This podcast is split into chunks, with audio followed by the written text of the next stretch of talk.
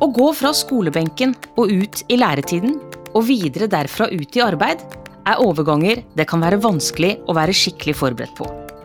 For hva er det egentlig som møter deg som lærling? Og hva forventes av deg når læretiden er over? I dag skal vi prøve å få svar på en del av dette. Jeg heter Sara Natasha Melby, og i denne dokumentaren møter du Veronica Henriksen. Hun er 25 år gammel og jobber som bore- og vedlikeholdsoperatør på Johan Sverdrup-feltet. Der har hun jobbet i fem år, og Veronica husker godt hvordan det var å være lærling. Eh, Læretiden var jo veldig utfordrende, og ikke minst naturligvis ganske lærerik. Eh, Når man blir eh, både vedlikeholdsoperatør, går man jo som regel til ting man aldri har sett før eh, i livet. Det er jo enorme dimensjoner både på områder og maskiner der ute. Og ikke minst er det jo kjent for å være en høyteknologisk bransje, så man får jo se veldig mye spennende. Og jeg tror spennende kan være et ganske godt nøkkelord. Den utfordret meg også helt naturlig til å takle miljøer jeg tidligere ikke hadde manøvrert i. Man går jo fra å være en skolejente eller skolegutt, da, og plutselig jobber man alene med mennesker på 30-50 år hvor majoriteten av de er menn. Så, så det er klart at eh, man lærer jo mye av det, da. For Veronica var nettopp møtet med et nytt miljø noe av det mest utfordrende i starten. Det vanskeligste var jo det å kartlegge hva som forventes av deg som menneske, altså hva fungerer rent sosialt da, eh, i det perspektivet. Eh, hvordan tilpasse seg, og hvordan snakker man og formulerer seg i de miljøene, og ikke minst rent dette her med å manøvrere rundt eh, de rene, kanskje emosjonelle forskjellene da, av og til. Kanskje det kan være vanskelig av og til når man er ny og, og tørre å kanskje si det man mener og sånne ting, men eh, jeg har jo jobbet med veldig gode kollegaer, så jeg har jo opplevd at det stort sett har gått veldig bra, men det er jo det når man er fersk og, og ikke har så veldig høy kompetanse og, og, tørre å utfolde seg da, og, og vise hva man tenker og føler. Veronica sier man får mange verktøy som lærling, og det er viktig å bruke dem.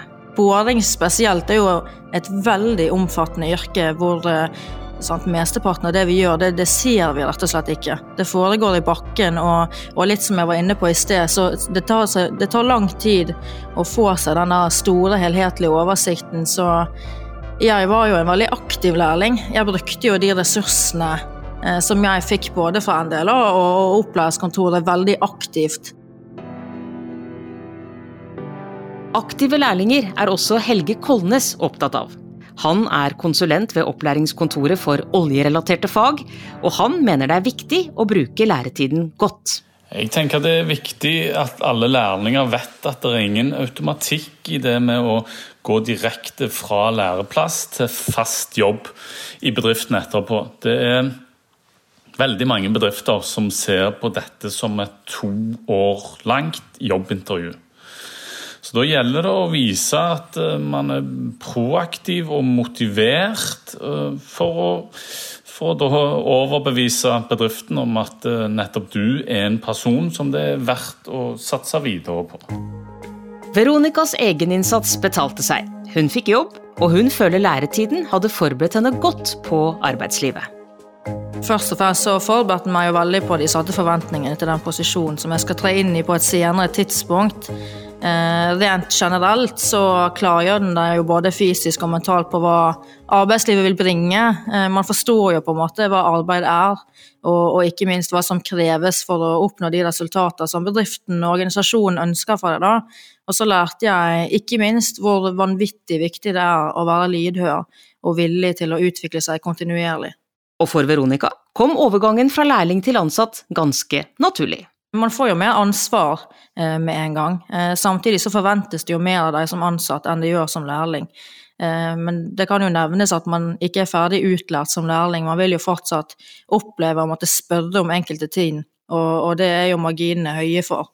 Eh, men for meg så var det veldig fint. Eh, jeg trivdes godt med å være og bli selvstendig i den forstand at man må finne løsninger og tenke fremover selv.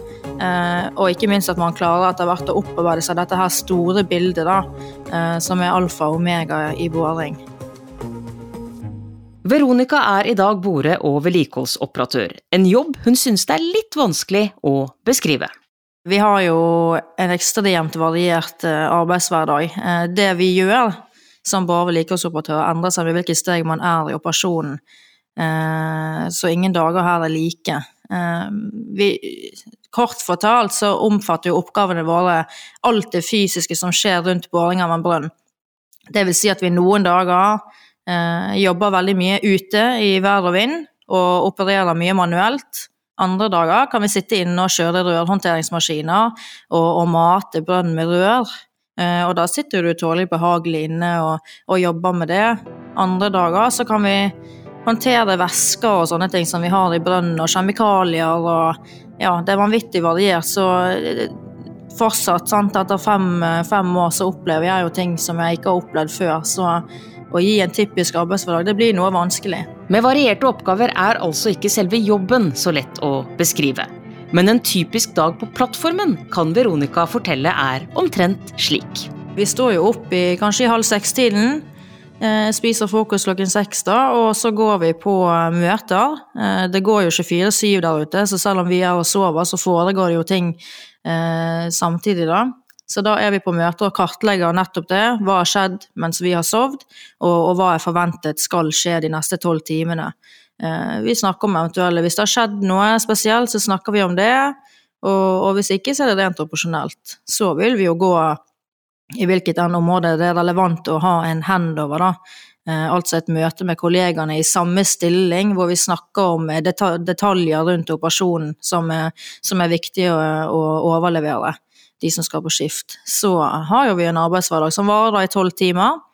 Som, eh, som regel går jo det veldig fort, for det er jo ofte veldig travelt. Så jeg tror ikke man skal la seg skremme av at det høres mye ut med tolv timer. For eh, jeg har jo jobba på land tidligere, jeg må jo si det at eh, de åtte timene var ofte lenger enn de tolv som vi har. Og etter de tolv timene så er det jo igjen hendover, da andre veien, og så går man og spiser middag og har et par timer og enten trene eller se på film eller snakke med kollegaene dine før du legger deg, egentlig. Og det er mange tilbud på plattformen. Nok å fylle tiden med de timene man har fri. Det er jo helt personlig hva man velger å bruke og ikke, men de har jo både gamingsaler, de har kino, de har treningsrom, fellesarealer hvor man kan spille spill og sånne ting. Eh, så mulighetene er jo da eh, ganske mange av mine kollegaer, også inkludert meg selv, av og til trekker jo på en måte tilbake på lugaren, og det er jo lange dager. Så, så, av og til er det jo deilig å bare gå og ta det rolig, egentlig, de timene man har. Veronica trives godt i jobben på Johan Sverdrup-feltet, og hun liker spesielt godt alle mulighetene som ligger i jobben. Jeg trives veldig godt. Eh, jeg syns jo det er en veldig utfordrende arbeidshverdag. Eh, det jeg også liker spesielt med mitt yrke, er at det er vanvittig store karrieremuligheter.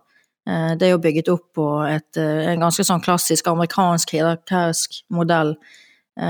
Så selv om jeg i dag er både vedlikeholdsoperatør, så er mulighetene veldig, veldig, veldig store for å få opprykk senere, og med det hele tiden ha muligheten til å utvikle seg og utvikle seg, og få mer ansvar, ende opp i lederstillinger og sånne ting. Og at man tenker på karrieremuligheter tidlig, tror Veronica kan være lurt, selv om hun ikke gjorde det selv. Jeg opplever jo mer og mer i, i Båring, at det forventes kanskje mer og mer fra arbeidsgiver at man ønsker å utvikle seg. Det vil jo alltid være en fordel for arbeidsgiver å ha ansatte som vil videre, for det er jo noe man trenger. og, og man, når du begynner som både vedlikeholdsoperatør, så, så trenger du den bakgrunnen for å komme deg videre. Så, så, man er jo litt avhengig av at de ansatte ønsker dette, iallfall en del av de. Um, så om man skal tenke på dette tidlig eller ikke For å si det sånn, så jeg gjorde ikke det. Uh, jeg visste jo ikke helt hvordan det hierarkiet så ut når jeg kom fra skolen. Det var jo noe man fant ut ganske tidlig, naturligvis, etter at man kom ut. Så jeg tenkte ikke på det. Det gikk noen år for meg. Det gikk to-tre år, og så tenkte jeg ja, det, vært det hadde vært artig å komme videre og kjenne at man uh, får utfolde seg, og ikke minst dette her med å få tillit for organisasjonen til å få mer ansvar i uh, et miljø som er sant, det er høy risiko, det er høyteknologisk, og det krever jo mye av deg som menneske. Så, men jeg ser at for mange, og for meg selv, så er det veldig artig å iallfall få den muligheten. Så hvis man vil videre, så vil jeg absolutt anbefale å tenke på det så fort som mulig. For man trenger også litt mer skole hvis man skal kvalifisere seg til disse opprykkene. Og jo tidligere du tar den, jo tidligere er du kvalifisert. Så hvis man da står på og opparbeider seg nok kompetanse, så kan man få opprykk ganske fort. En annen ting Veronica liker godt med jobben, er det tydelige skillet mellom jobb og hverdagsliv. Vi jobber jo turnus, de fleste av oss. Eh, og jeg trives veldig godt med at jobb er jobb, og at det skillet mellom jobb og hverdagsliv blir eh, veldig tydelig. Eh, at det blir så tydelig at jobb er jobb, og man er sin egen lille boble der ute, hvor det er det som på en måte er fokus. Og så er det veldig deilig å kunne på en måte slippe alt når man kommer hjem, og vite at nå er det så og så mange uker til neste gang. Med en jobb der risiko er en faktor, er det lett å tenke at det også er en jobb der man er mye redd. Det har ikke Veronica opplevd. Nei, vet du hva, det kan jeg ikke si.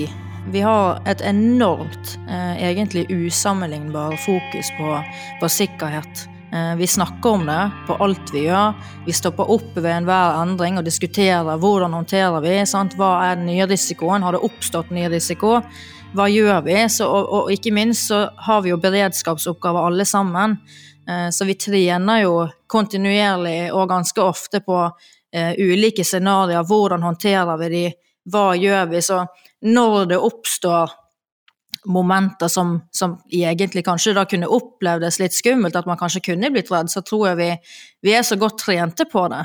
At, at det blir litt som, som, Du kan sammenligne det med kanskje med brannmenn og politimenn, at man, man vet man, hva man skal gjøre. Så fremfor å gå inn i et modus hvor man kanskje har lyst til å flykte eller bli redd, så, så går man inn og, og, gjør det man har trent på å gjøre. Så egentlig så kan jeg ikke si at jeg har følt meg så veldig redd på jobb. Og til slutt har Veronica gode råd til alle som drømmer om en arbeidshverdag offshore. Stå på, det er jo det første. Og så tror jeg man må være forberedt på å gi alt. Eh, det, ganske, det kan være ganske harde arbeidshverdager. Vi har jo en veldig fysisk jobb.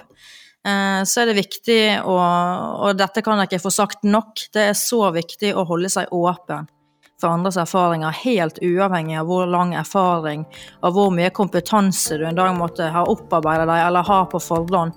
Eh, jeg tror hvis du vil ut i Nordsjøen, ha respekt for risiko. Vær åpen for å tilpasse deg fellesskapets behov. Eh, som sagt, vær innstilt på lange dager, andre rolige dager selvfølgelig. Og, og lær deg litt om risiko og, hvilket fokus det er på sikkerhet, for den, den kommer vi ikke unna.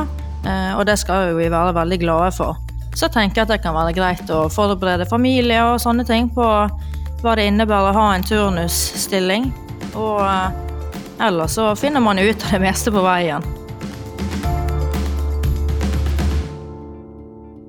Produsert av både og for NDLA.